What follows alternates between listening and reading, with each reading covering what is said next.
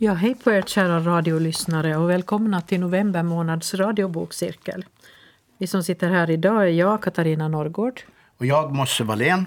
Och jag, Mira Pohjalainen. Och idag så ska vi prata om en ganska nyutkommen bok. eh, Philip Teirs J och B, scener ur ett skenäktenskap. Eh, Mosse, du kanske vill börja med att berätta lite om författaren och boken? Det, det här, eh, boken tar sin, tar sin början när, när Jörn Donner dör den 30 i första 2020. Och han är 86 år gammal. Och eh, när hans hustru Bitte, Bitte Westerlund börjar reda upp i hans kvarlåtenskap så eh, hittar hon förvånansvärt många hemliga kvinnor som han har haft under, under åren. Och eh, det här gör henne vansinnig och eh, hon kommer i kontakt med Philip Teir som sedan länge har velat skriva en bok om, om Jörn Donner. Något slag, inbillar jag mig, av biografi.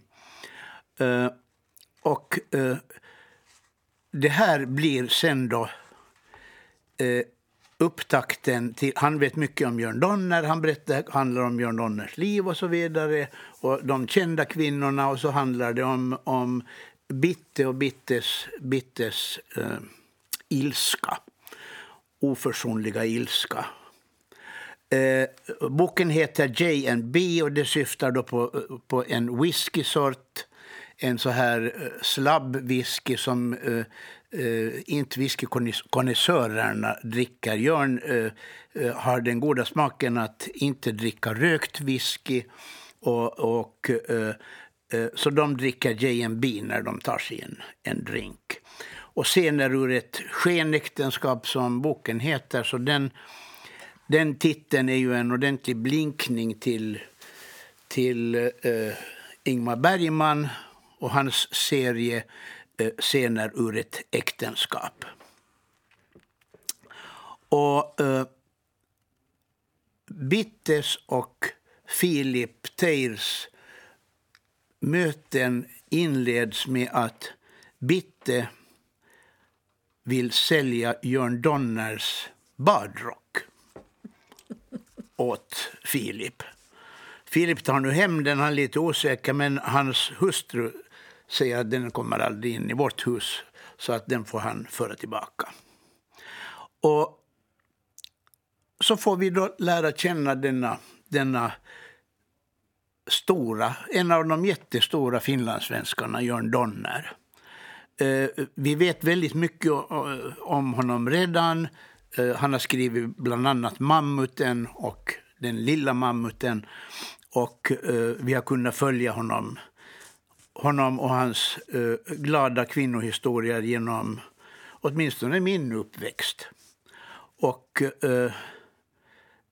man minns ju honom tillsammans med Harriet Andersson och det var ju ett så, ett så vackert, vackert par.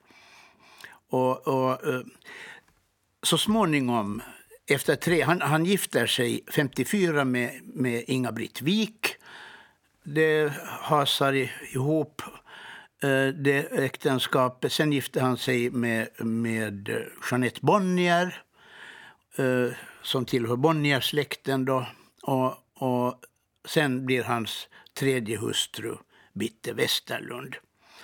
Och eh, eh, han har ju hunnit med otroligt mycket, denna Donner. Författare, regissör, filmproducent, journalist, kritiker, politiker och eh, uh, allmän störare. Han har varit en, en uh, ibland en pain in the ass, uh, för han har sagt som det är eller som han tycker att det är. Och ofta så har han haft rätt och han har inte varit rädd att, att uttrycka sina åsikter. Han lämnar också efter sig sex barn. Två med Inga-Britt Wik. Sen eh, Susanna Vennamo med Veikko Vennamos dotter. Och sen Otto Gabrielsson med en svensk kvinna och två söner med Bitte Westerlund. Och de bosätter sig sen på något som heter Bortomsjö utanför Ekenäs. Det är eh, en del, om jag har förstått det rätt, av det gamla Tenala som antagligen har uppgått i Ekenäs. Eh, ja. Och vad kan man säga sen? Vad är det som händer sen då? Vi får följa Bittes, Bittes raseri, Bittes eh, jakt på sanningen via hans datorer, via hans... Eh, han har deponerat massor, massor med brev i Åbo Akademis arkiv. Och då växer det fram, tycker jag, en bild av Bitte och Jörn. En bild som på något sätt, tråkigt nog, blir allt solkigare och solkigare. Ehm, ja, där slutar jag. Ja, det är ju alltså det, det är lite fascinerande med, med det här... Eh, när man börjar läsa den här boken så man tror ju... Jag har åtminstone tänkt att man har ju följt med liksom det här kulturlivet i svensk Finland och, och i Norden överhuvudtaget och, och så där och politik och så. Att nu vet man ju Jörn Donner, nu känner man ju till honom. Mm. eh, och visst, eh, jo, delvis. Men det var ju nog också väldigt mycket... Det var väldigt... Jag tänker så här att, att uh, Bitte Westerland hon har nog lämnat ut ganska mycket sånt här som känns lite nästan lite väl in på skinnet ibland. Att det är nästan lite störande. Men jag tänkte också för, för jag reagerar på att Philip Tail börjar liksom på första sidan i boken så skriver han det känns som ett omöjligt projekt, lockande men omöjligt. Vad ska någon kunna skriva om Jörn som han inte själv redan skrivit? Eh, men sen skriver han i alla fall då närmare 300 sidor. Så. Mm någonting lyckades han nog få ut av det hela i alla fall. Ja, ja, ja. Eh, men, men det som åtminstone slår mig vartefter man läser så är att det är ganska mycket upprepningar. Det kommer mm. Samma anekdoter dyker upp flera gånger ja. i olika kapitel. Lite slarvigt. Ja, ja. det känns så. Ja. Jo. Jag hittade också några, några lite språkfunderingar mm. som eh, Philip Teir inte borde ha skrivit. Men, ja. Ja. Jo.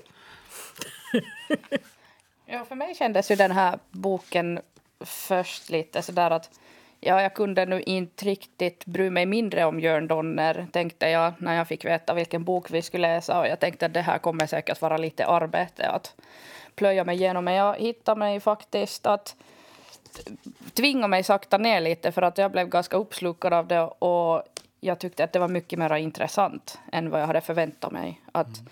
Jag kände ju till Jörn Donner såklart men jag har aldrig riktigt satt mig in i hela hans personli personlighet och vad allt han har hållit på med. Att jag visste att han har varit politiker och haft stor inflytande inom kulturen men jag visste till exempel inte att det var han som var stort sett ansvarig för att de fick ihop pengarna för Fanny och Alexander. Mm.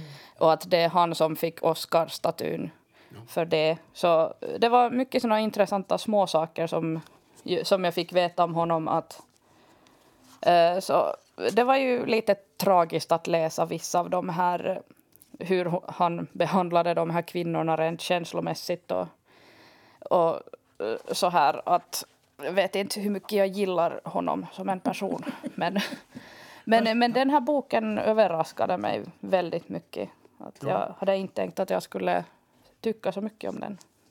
Men tror ni inte... Jag har också läst...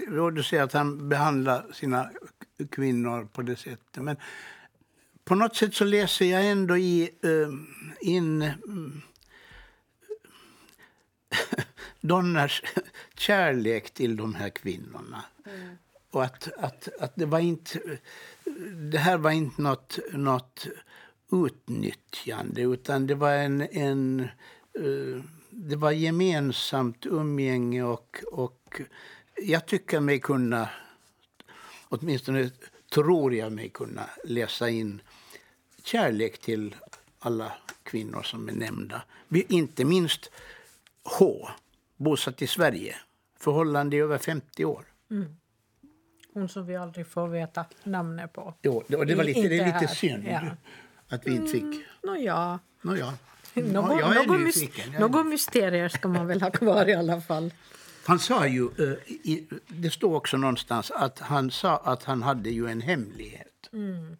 Men den yppade han inte, den tog han med sig i, i graven. Mm. Men jag tänkte på det här, för jag, jag tyckte det här skenäktenskapet, det tyckte jag det var så intressant. Jag kommer ju ihåg när, när Jörn Donner fick den här, alltså att han blev generalkonsul. Ja. Finlands generalkonsul i, I, i Los, Angeles.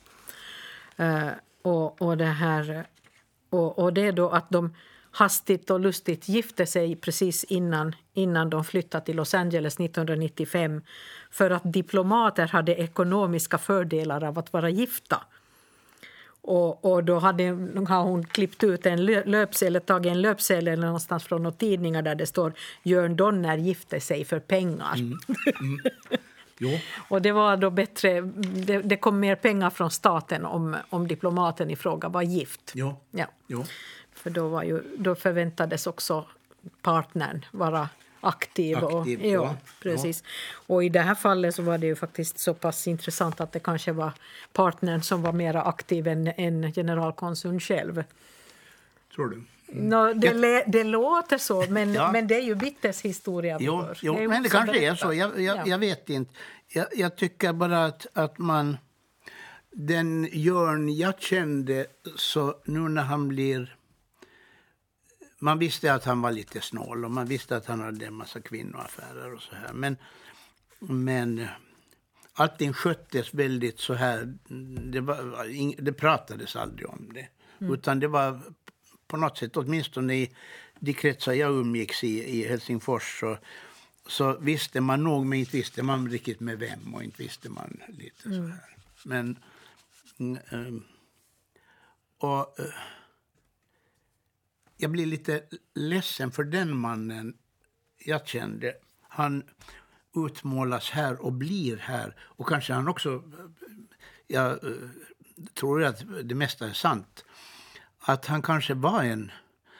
Vi visste att han var lite snål och lite så här. Och, och eh, men att han nu... Eh, han blir en allt mer en snål och gnällig gubbe i, i de här texterna. Han skiter i vad, vad frun tycker, han köper in vad som helst och han gör vad som helst eh, inom äktenskapet. Ett äktenskap där man kunde förvänta sig att man nu diskuterade en del saker om mm. så här. Ja, men det, ja, det, det är det där jag funderar lite på. Att, att är det är det Jörn Donner vi ser i den här boken eller är det Jörn Donner som Bitte Westerlund uppfattar honom nu. i sin, i sin... Ja, för hon... I hämnden. I, i hämnden, ja. Precis. Mm. Kanske. Så ja, det, det, är svårt att säga. Jag menar, det är ju inte som att han, har, han någonsin försökte framställa sig som något eh, väldigt eh, artig och, och, nej, och, nej. och belevad Nej. Nej. Han, så, nej. Ja. Han spelar, det tycker jag ju också kommer fram lite i boken, att, att det fanns ju också en, en Jörn Donner-roll som mm. spelades av Jörn Donner. Exakt. Uh, och, och, det var den här buffliga och, och han, han tog säga, på sig en mask och, ja. och cigaretten i mungipan. Ja, just precis. Ja. ja.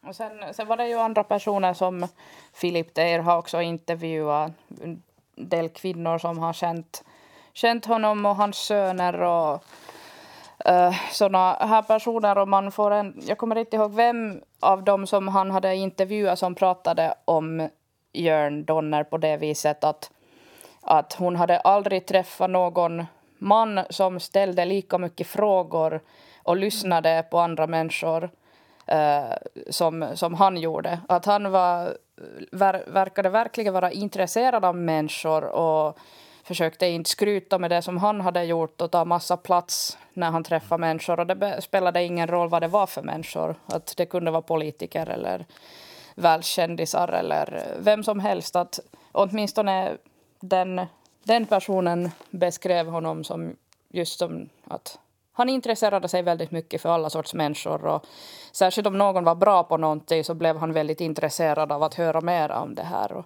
mm. Att det kom upp också såna ganska, just ganska fina sidor hos honom i, när man eh, läste de här bitarna som uh, Philip Taylor hade um, skrivit på basis av intervjuer med andra människor än Bitte, mm. tyckte jag. Mm. Mm. Men han var ju en stor, stor och fin människa, tycker jag. Jag bara uh, är lite så där, för jag tycker att, att hans...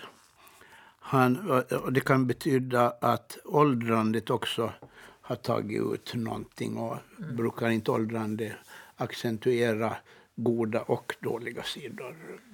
Det är väl lite så, jo. Att, att det kan vara både och. Ja. Jo. Mm. Sen, det var den där anekdoten från en av sönerna när Jörn var i sjukhuset där mot slutet. Och han kom till sjukhuset och sa att han har Runebergstårta med sig. Och då sa han först att nej men det orkar jag inte äta. Men när sonen sa att, jo, att det är min fru som har lagat den. Så då började han direkt säga att nej men då måste jag, då vill jag absolut äta den. Mm. Och att det beskrevs just av den här sonen som att han märkte att det var väldigt jobbigt för honom fysiskt att äta den där tårtan. Men att han ville direkt när han hörde att det var sonens fru som hade bakat den. Så det var mycket såna roliga små anekdoter och historier som så jag hade ganska roligt ändå när jag läste den här boken, även om det inte är en nej, rolig nej, bok. Nej. nej. Och, och, det är ju så här man tänker, liksom, ja det är ju en biografi i, på sätt och vis, men det är ju inte riktigt det ändå. Inte. Den, den har, har detaljer som ur, ur hans liv. Och den beskriver ju nog också lite av barndomen och så där som ja. ju förstås inte Bitte har varit med nej, om. Nej. Men, men, men mycket är det ju just 80-90-tal mm. och senare. Mm. Ja. Så det, det är kanske nog mer ändå den åldrande Jörn Donner som vi får mm. lära känna. Inte så mycket den unga Donner. Nej, och han åldrades ju då. Eh, han blev ju gammal med tillsammans med Bitte. Ja, precis. Så jag, tänkte, jag tyckte att det var lite, lite roligt. Jag berättade åt någon bekant när jag höll på och läste den här. Så ja, att, att, eh, att det här, han hade, hade träffat på Sauli Niinistö och det var då innan Sauli blev president. Ja. Och, och då hade han velat diskutera lite med honom att hur, hur det var att vara gift med en mycket yngre kvinna. För han uppvaktade just då Jenny Haukio. Jaha. Ja. Så han hade liksom velat ha lite tips att vad ska man tänka på. Jaha, det där ja. Mm. Ja, ja. Mm. ja. Så, ja. Men han hade ju eh, väldigt, väldigt, väldigt många riktiga vänner i samhället, också högt i politiken mm. och så vidare. Jag var bjuden en gång på, på det var nu, han hade köpt en lägenhet och så skulle det vara lite välkomstfest. Och så blev man inbjuden. Och så stod vi nu där, det var inte någon jättelägenhet, två, tre rummare. Massor med folk och, och, och råddigt så här. Och så, eh, så ringde det på dörren och ingen brydde sig om det. Och så ringde det igen. Så jag gick, då gick jag och öppnade. Och vem stod där? Jo, där stod statsministern, Harry Holkeri. och, eh, och, det var en av Björns goda vänner. Ja. ja de satt ju tillsammans på, på den här kvarterspubben. Jo. jo. Och åt middag ibland och drack jo. lite. Jo. jo. Det, det nämns ju faktiskt i boken. Jo, att, jo, och, och de hade också... Ja. Strömming. Jo, Va? de åt ja. strömming tillsammans. Så var det. Eh, ja. Bägge hade ju strömmingfäbless. Ja. För, ja. Jo. Men. Vad ska man säga sen om det då? Det här blir ju långt jag tycker... Jo, man lär känna Jörn, men man lär också då känna eh, hämnderskans, hämndens eh, gudinnas bild av, av Jörn. Och hon, hon är ute efter hämnd, det säger hon ju också. Och, är hon för elak? Hon är ju lite besatt av det här. Där, det är hon ju verkligen. Jo, ja. Det finns, en, det finns en, en liten textsnutt, eller lite längre. Han, han har ju intervjuat, som du berättade här, dels barnen och dels, dels några väninnor till, till, främst till, till Bitte. Och, och, eh, här finns någon som heter, en kvinna som heter Ulrika Rudbeck. Och, och hon hon uttalar sig här eh, om Bittes de blir, börjar bli lite, både barnen och väninnorna är, är lite så här, kan hon inte sluta nu med det här? Att, eh, håll inte på, att du eh, håller ju på och gräver en grop. Det säger hon här. Då säger Ulrika Rudbeck så här om, om det här grävandet. För problemet är att det blir som en girighet sen. Hon kan inte bli mätt. Det är en grop som hon gräver för sig själv. Jag är inte intresserad av hans kvinnoaffärer. Jag ser dem som en helhet i hans liv. Det som är viktigt för Bitte är att hon vet att hon är värdefull. Att hon var värdefull för Jörn. Och när hon börjar gräva i det där förlorar hon sitt eget värde i sina egna ögon och tycker plötsligt att hon inte är värd någonting därför att han hade alla de här andra. Men det var ju inte så. Det är klart att hon var värdefull för honom. Man måste utgå ifrån, på riktigt, att Bittes liv är värdefullt. Hennes liv måste hållas på ett värdigt plan. Så det som hon går igenom som för henne, för henne mot ett mörker, det måste hon komma ut ur. Och, och barnen vill också att hon ska ut ur det här. De vill inte heller, de säger att befatta dig inte med att hålla på och sälja saker som är värda mindre än 400 euro. Mm. Eh, för då blir det något så här, hon ska inte börja loppisa på, på Jörns, Jörns liv. Mm. Så det finns en oro också för, för vad det här, det här fanatiska grävandet efter kvinnor. Mm. Och hon lusläser mammuten och hon lusläser lilla mammuten och hittar olika. Och så här, jo, men nu har Jörn ändrat någon bokstav här. Och så lite. Mm. Ja, det är väldigt mycket sånt märker man som hon, hon verkligen forskar. Och hon har ju lösenord till hans datorer och, och mm. så, så, att hon kan kolla, kolla mejlen och, och upptäcka då de här något över 500 mejlen som han har skickat och fått från den här H, H ja. som vi inte vet vem hon är. Nej. Ja. Och de har haft ett förhållande ändå i 50 år. Ja, precis. Fantastiskt. Ja.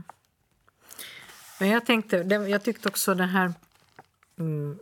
Det är kanske lite, om man säger, kanske en aning morbid fundering men eh, jag tänkte läsa lite kort om det här komposten. Eller egentligen handlar det om kremering. Jörn dör i januari 2020 och den närmaste familjen väntar till sommaren innan askan sprids ut vid Bortomsjö. Kremeringen har Jörn fått gratis. Det är en överenskommelse han gjort i god tid. Han har, då, han har skrivit ett, en, ett bidrag till en jubileumsbok för Finlands krematorieförening. Och i utbyte mot det då så får han en gratis kremering. Och boken heter Eldsjälar. Det var ju fint. att han lyckats ordna sin kremering gratis på förhand tycker han är en rolig anekdot som han gärna berättar för journalister om det kommer på tal. När han dör kan familjen mycket riktigt använda sig av tjänsten. Efter att askan legat i sin låda ett tag kommer Bitte på en idé. En del av askan ska åka ner i hennes kompost. Det är en liten subtil hämnd från hennes sida. Efter att Jörn dött har hon gått igenom hundratals efterlämnade mejl och papper och en frustration har vuxit i henne. Under alla år har Jörn aldrig visat uppskattning för komposten. Den har rent av blivit ett slags stötesten i deras förhållande, en ständig orsak till irritation och tjat. Ja. och eh, det här är ju någonting som... Mm, hur ska vi säga? Så när man jobbar i församling så talar, brukar man tala om brott mot griftefrid. Jo. Ja, no, vi, vi tar inte, säger inget mer om den saken, men, men eh, askan delas upp. Jo. Eh, Men det här var ju, det var ju verkligen, det, det kommer upp flera gånger i boken, den här diskussionen om komposten. Att Bitter tycker om det här med kompostering Ja. och, och, och kretslopp och så här. Och Jörn fnyser åt det och hatar att ha baksätet av bilen fullt med slemmiga kompostrester som ska köras ut till bortom sjön. Ja. Ja. Det, det kommer upp flera gånger och konstaterar här att, att det, är, det är väl en av svagheterna med den här boken, är de här repetitionerna. Det kommer på nytt samma anekdoter, samma, samma detaljer dyker upp på flera olika Ja. ställen. Just jo, jo, det här har jag ju läst. Jo, det Ja. fanns ju redan här. Jo, precis. Ja. Så det, det är väl, där hade jag gärna sett att någon redaktör hade petat lite noggrannare i texten. Ja, Men, det tycker jag å andra sidan blir allt oftare. Mm. Att man hittar saker som som en, en förlagsredaktör borde ha skrivit om eller tagit bort eller eh, så här. Och, eh, eh, så småningom börjar jag åtminstone komma till att är förlag, har förlagsredaktörerna blivit sämre? Är vi på väg mot ett... Jag vet inte. Har de blivit yngre och därför sämre för att de inte kan språket? Eller... Eh, förväntas de hinna med mycket mera på mycket det. kortare tid. kanske det. Det kan också kanske vara det. en Ja, orsak. ja, Ja, ja, ja. ja. Det, det vet vi inte, men, men ja. Nej, det, det, det här är någonting som jag åtminstone reagerar även om jag menar boken i sig var väldigt intressant. Och, och, och jag tyckte nog, jag läste nog den med förtjusning men, men, men sådana där små detaljer stör mig lite. Ja, ja. Nej, jag läste också den med, med förtjusning. Och, eh, jag blev sen och fundera på vad jag egentligen tyckte om, om... Eller vad jag tycker om Jörn. Som jag sa så växte här fram en bild som jag inte kände igen. Men jag, var, jag kände ju inte honom så bra. Jag- Det var mera så här man pratade lite hipp om, som happ på några tillställningar och så här. Men, men eh, jag hade ju, man, hon har ju levt med honom. Och, ja, Ja, hon kommenterar ju, eller jag, jag antar att det är hon som har, som har det här, sagt det här till Teir åtminstone. Att hon, det känns som att hon har, hon har gett bort de bästa av sina år åt en grumpy old man. eh, som lurar henne dessutom då för att han egentligen var dödligt kär i någon annan som han aldrig fick. nej. Men kanske han, kanske han var en sån som kunde vara kär och älska, kär i och älska, eh, ja, jag vet inte, flera kvinnor samtidigt. Kanske. Går det? Det går säkert. Det, det vet vi inte, men det... Nej, det, nej. Tror, det ja. Det fungerar väl om alla inblandade är med på det, kan jag tänka. Ja. Ja. Eller alla inblandade är medvetna om det. Ja. ja. Det kanske fungerar sämre om... Om frun inte till exempel vet någonting. Ja, Ja. ja. Ja. Var det inte så som, som prinsessan Diana sa, att det var, vi var en för många i äktenskapet? Ja, ja. Jo. Det går inte så bra när man är tre stycken. Nej. nej, nej. Fast det finns såna som lever tre också. Det gör så. Ja, jag tyckte ju det var väldigt intressant när, när det här...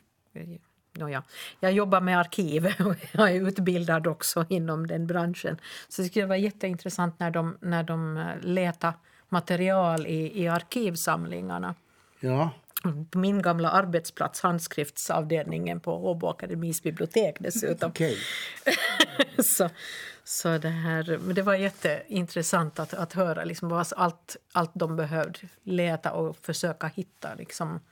Och, och vad jag förstår så har den här, just Jörn Donners eh, den, den samlingen så har inte blivit riktigt eh, helt och hållet katalogiserad ännu. Det är antagligen ganska många hyllmeter.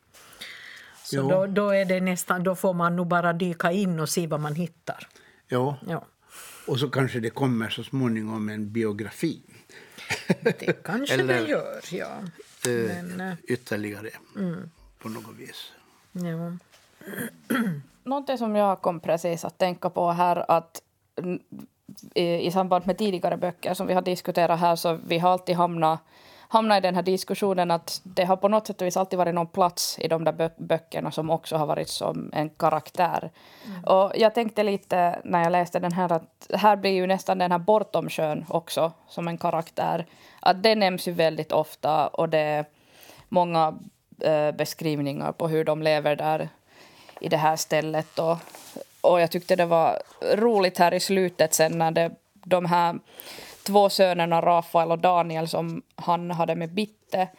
För när de båda får ge liksom sin synpunkt och synvinkel på både Jörn och sin uppväxt och allt det här. Så en av de här sönerna, så han ser ju att han trivdes så bra på Bortom sjön och han hade alltid liksom att dels hade jag brorsan och sen åkte jag och spelade fotboll och sen gjorde jag si och så. Och sen den här andra bror säger ju att ja, jag tyckte nu inte så mycket om det, att det är fortfarande viktigt på grund av naturen, men jag hade ju så tråkigt och sen åkte brorsan och spelade fotboll och då var pappa alltid med och så var jag själv och då hade jag ingenting att göra. Nej. Så de, de grejerna som eh, skrevs om det här bortom sjön, så de, de tyckte jag också att läsa om. Men det, jag tyckte det var roligt att det en gång till igen dyker upp en plats som är väldigt central för boken. Att trots att det nämndes ma- massa andra platser, att när de bodde i Los Angeles och det här norra kajen och flera ställen i Helsingfors och Sverige. Eh, men det var ändå bortom sjön kom, kom Ja. upp väldigt många gånger.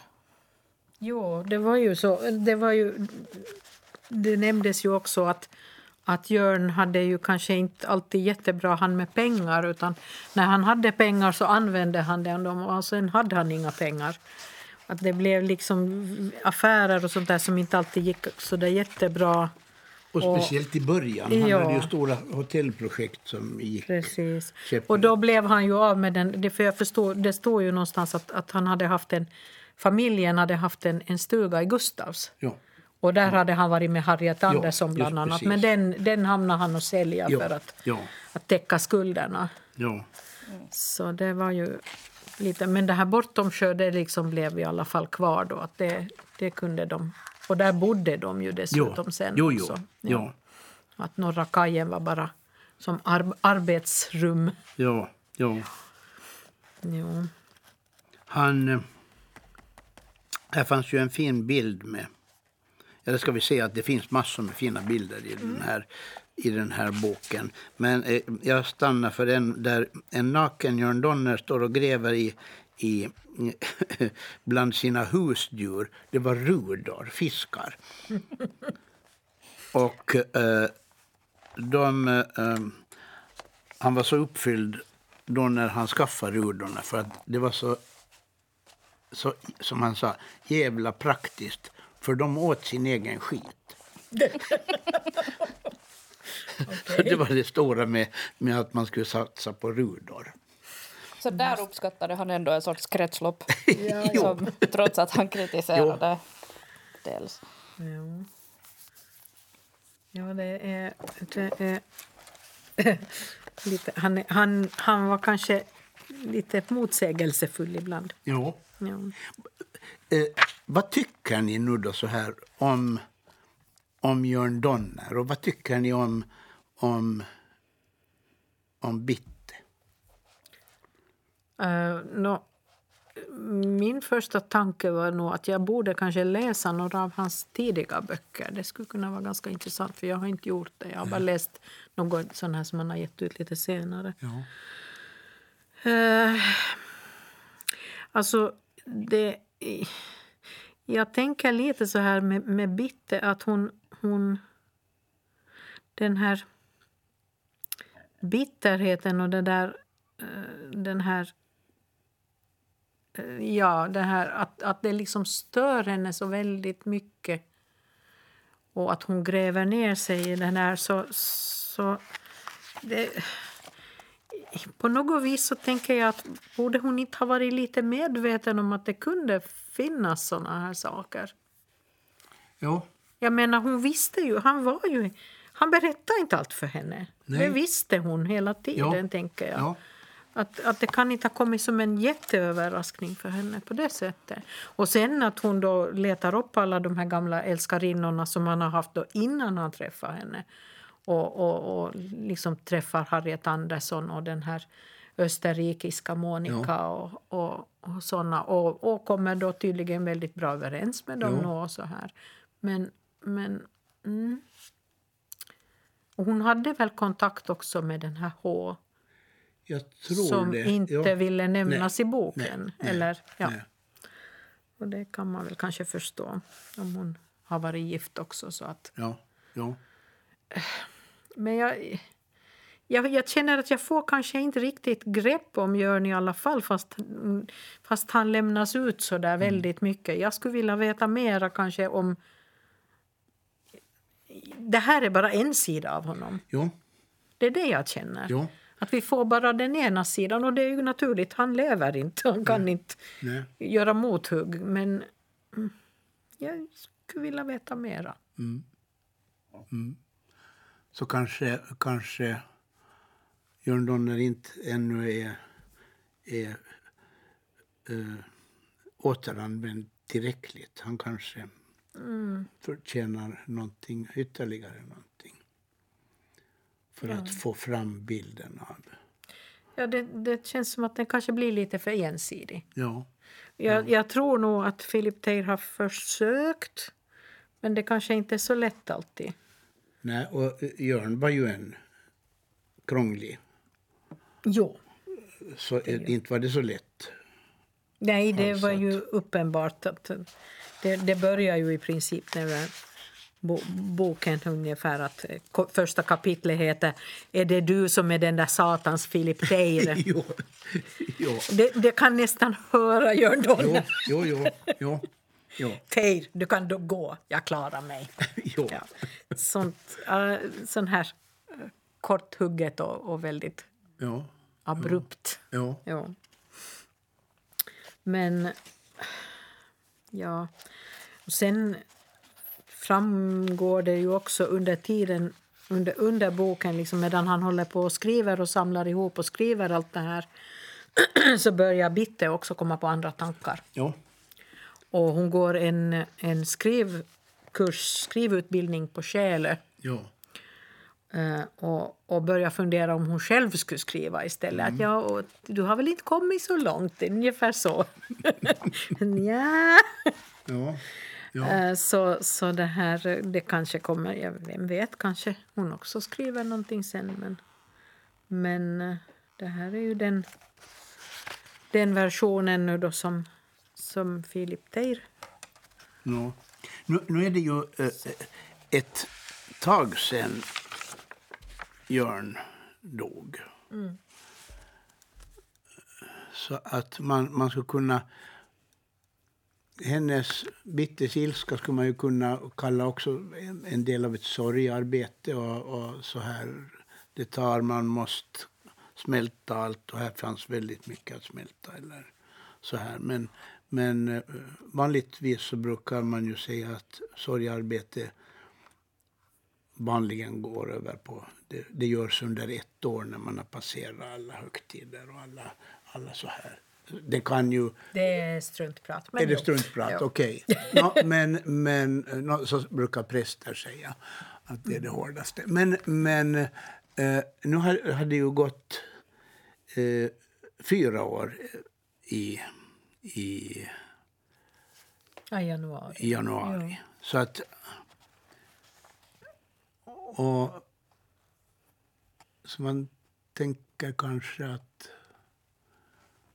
att den här, jag vet inte, ilskan och upprördheten, men nej, ja, det är svårt att säga. Jag, jag tänker att den borde ha gått, gått över, men kanske inte. Det beror ju på förstås. Eh, jag tänker, jo, alltså, du läste ju det där stycket som den här, den, här intervjun med den här väninnan Ulrika. Ulrika Rudbeck, ja. ja. Som, som var bekymrad för Bitter. Ja, att, att ja. hon kanske att det, hon tar i för mycket med det här. Och där, men där, där sa hon också någonting om Jörn som jag tyckte var väldigt fint. Så jag tänkte citera bara så här. För hon säger så eller sa så här om, om Jörn Donner. Folk har så bjärta åsikter när det kommer till kontroversiella personer som Jörn som har ett brett verksamhetsfält. Jag var nog hemskt glad att han fanns. Det säger jag därför att han delade åsikter. Visst var han klumpig och burdus ibland, men det fanns inte just andra röster som hans i det här samhället. Hans röst skar igenom den kompakta tystnaden i det här landet, förstår du. Och det är nog lite så jag har uppfattat Jörn Jo. Donner. Jo. Att Och- han var liksom en sån här... Jag vet inte vad jag ska säga. Vad jag ska kalla det. Inte en stråle ljus i mörkret. Nej, definitivt inte. Men, men eh, på något vis så skar han igenom den där kompakta gröten. Jo, Av allt. Eh. Nu, nu blandar jag metaforer här hejvilt. Men, men, Ja. men på något sätt liksom så... Jo, han, han delar nog åsikter, definitivt. Jo. Antingen älskar man honom eller hatar honom. Jag tror inte att nå många människor har varit eh, så här mera... Nåja, han är väl... Hmm. Nej, nej. Utan de flesta tänkte nog, tyckte nog antingen väldigt mycket om honom eller absolut inte alls. Många som inte kunnat tåla honom. Säkert fanns det ju också såna. jo. Också såna. Men, men eh, väldigt många av dem kanske också var, var skapade av, av den här det som jag kallar rollen. Mm. Jörn Donner-rollen som, som Ja, Jörn Donner spelar ganska. mm, precis. Och det var just som du säger, det var burdust och det var ganska så här ja eller nej. Och, han, han, Mm. Inga gråskalor. Nej, nej, nej. För jag kommer ihåg, jag måste ju ha varit barn, det var någon gång på 70-talet tror jag, när han hade något, var med i något tv-program i Sverige. Och, och jag kommer ihåg att mina föräldrar var så att nej men herregud, han skämmer ju ut hela Finland. När han satt där bredbent med tobaken i mun liksom och bredde ut sig riktigt sån här ma- manspreading. Ja, ja. Och, och, och de tyckte ju att "Oj, så där, att så där kan man ju inte bete sig på tv. Vad ska svenskarna tänka om oss? Just precis. Just precis. Mm. Ja. Så att, Men han, han, om man tittar på vad han, vad han har gjort så är det ju en, en karriär som eh, man aldrig hört talas om någon, någon, någonting liknande. Han skriver hur, hur mycket böcker som helst. Han har hunnit- produktiv. Jo, och, och han har lett Svenska Filminstitutet och han har eh, dragit ihop pengar till Bergmans filmer. Och han har, alltså han har ju, så han regisserat egna filmer, så han varit journalist och så han, ja, you name it. Europaparlamentet. Europaparlamentet, jo. Nej. Ja, du, du frågade här tidigare att, att vad vi tycker om Jörn nu efter att vi har läst den här boken. Och som, som jag sa i början så jag kände inte honom som en eh, så här publikfigur nästan alls när jag läste den här boken. Jag tycker den, den här är ändå den visar ju några sidor hos honom och berättar lite vad han har gjort. Men, men eh, jag blev ju jättenyfiken på att få veta mer om honom. Så att jag tror att jag måste få tag på någon av hans egna böcker och kanske titta på någon av filmerna. De tydligen finns alla på Yle Arena för att se, Okej. se på. Så, men jag blev liksom väldigt fascinerad på honom som, som person och som en karaktär. Att det är svårt att forma någon riktig åsikt att vad, vad jag tycker om honom mer än att han verkar väldigt fascinerande. Ja. Ja. Ja. Jag tänkte också, det som jag lite också, jag, just, jag stör mig på vissa detaljer. Det var dels de här upprepningarna och sen var det den här som jag nog skulle klassa lite som namedropping. Och jag antar att det är då Bitte som har berättat sådana här anekdoter från, från Slottsbalen då att de har varit med på, på Slottsbalen många, många gånger och, och, och, och det här äh, berättat, träffa folk och det är Sami Hypia och det är Laila Hetames och och, och såna här. Och, och det där kändes som att där kunde man kanske ha lite... Men å andra sidan, det är också intressant att läsa om det. Jaha, att eh, Bitte Westerlund visste inte vem Sami Hypia var. Nej, jo, jo, Reagerar jag, men okej. jo, jo Ja. det stämmer. Det stämmer. Ja, så det var liksom lite... Det, eller det var mycket såna... Ja, jag, jag skulle lite klassa det som namedropping ibland Jo. faktiskt. Ja.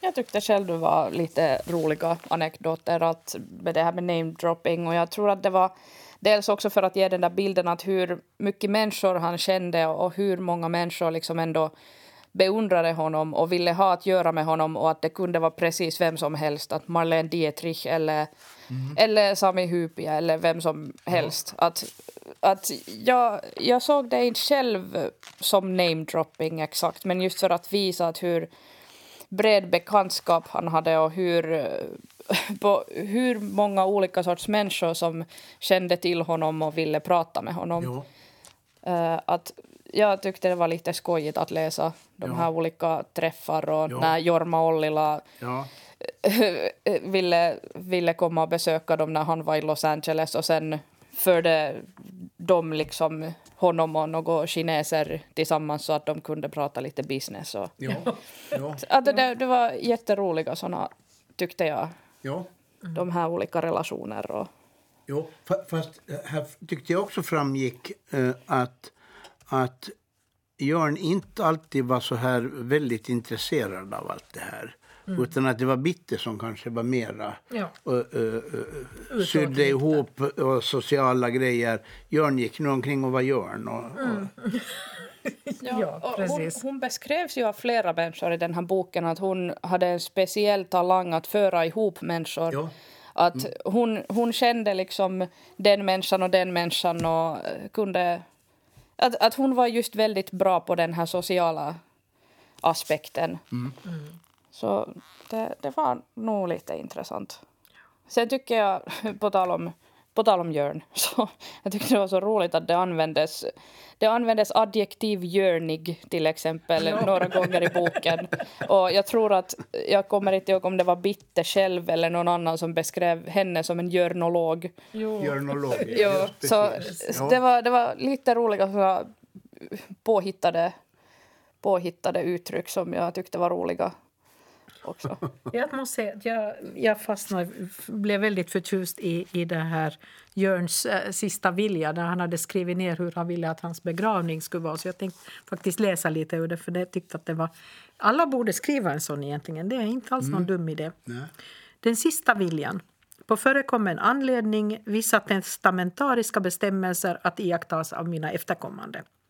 I och med att jag har gratis kremering antar jag att man har rätt att boka krematoriekapellet för en mindre tillställning.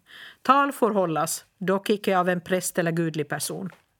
Talens sammanlagda längd får, längd får inte överskrida 30 minuter. Bakgrundsmusik okej. Om MA och Pedro lever kan de få uppträda. Några sånger från Perkele 1 till exempel. I annat fall musik från band, till exempel något av Burt Bacharach med Dionne Warwick eller Marlene. Ingenting trist. Tillslä- Tillställningen slut på en timme. Inga blomster med stora bokstäver. Vill man ge pengar är det till Amnesty.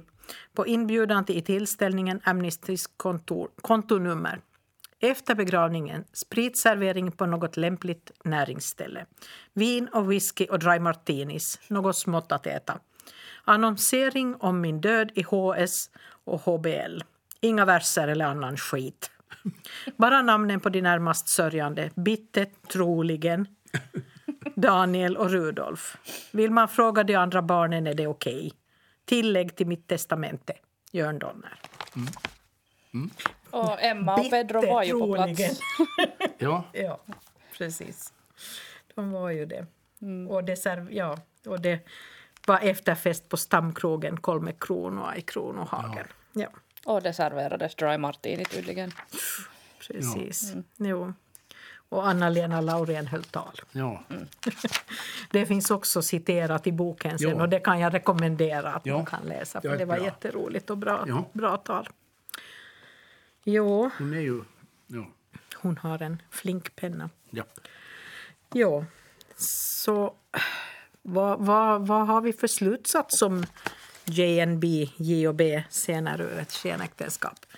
Att man- Läs, läs. Det, det, är, är, eh, trots allt så är det rolig läsning. Jo, det är, och, och det lockar till att läsa, och läsa mera av Jörns egna texter, skulle jag Jo, säga.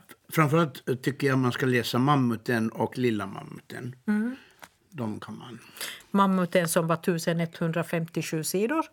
Jo. Japp, då har man att göra ett tag. Och Jörn hade en kul grej med den. Han eh, förbjöd eh, förlaget att sätta, där är mycket namedropping, att sätta namnen. Eh, De brukar vara ibland på baksidan brukar det finnas ett, ett, eh, några sidor med namn. Men det sa han, det får man inte. De får läsa själva hela boken och se Jo, om jo, de, jo. om de det var finns det, där. Och det var det För Bitte gjorde. Annars läser de bara den sidan där deras namn finns. Precis. Jag kan nu bara hålla med att det är en intressant bok på många sätt. Och ja, den, den var intressant läsning. Jo. jo, det var det verkligen. Så vi har alltså suttit här idag och diskuterat Philip Tayers J och B eller JNB, hur man nu vill ta det sen, scener ur ett skenäktenskap. Eh, och vi som har suttit här idag är jag, Katarina Norrgård. Mira Pohjalainen. Och Mosse Wallén. Och eh, i december så kommer vi sen att göra en lite speciell sak. Vi kommer nämligen att ha två böcker som vi pratar om, men det ena är bara en liten skrift. Nämligen Amos Oz, Hur man botar en fanatiker, som har vissa eh, aktuella eh, ämnen just nu. Och sen också Ulf Kvenslers Sarek, som vi kommer att prata om den, den gången. Men tills dess så kan vi väl rekommendera att man kanske läser JNB, J och B. Tack för oss och hej då.